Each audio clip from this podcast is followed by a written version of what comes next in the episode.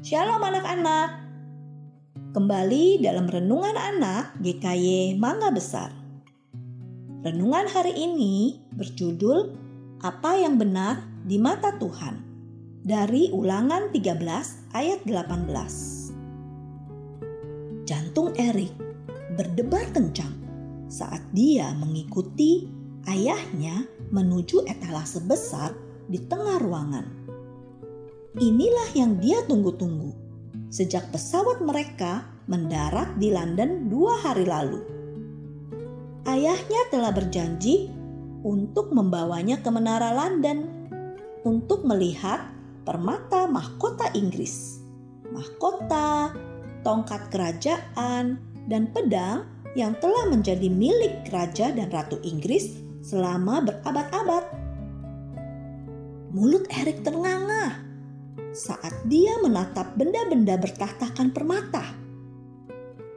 Ruby, safir, zamrud, mutiara, dan berlian berkilauan. Ayahnya menunjuk ke berlian besar berbentuk hati di salah satu mahkota. Itu bintang Afrika, bisiknya. Berlian terbesar di dunia.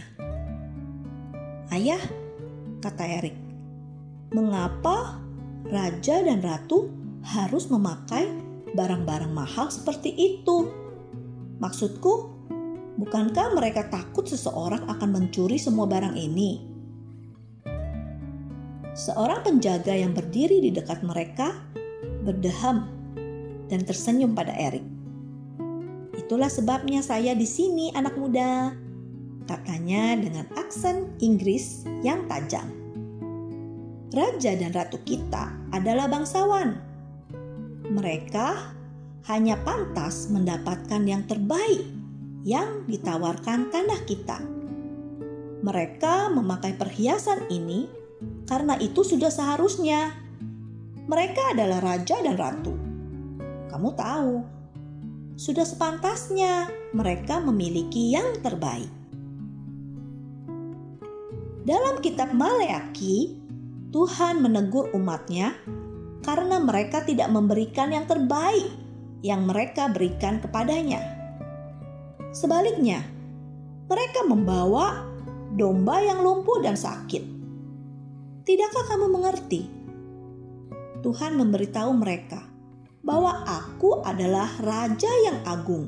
Semua bangsa takut akan namaku. Apakah kamu selalu memberikan yang terbaik kepada Tuhan? Apakah kamu memberikan waktu yang terbaik untuk mendengar firman-Nya? Atau apakah kamu menunda membaca Alkitab ketika kamu terburu-buru atau lelah?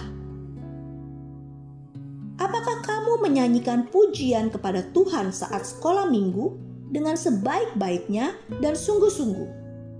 Atau kamu menyanyikan dengan asal-asalan?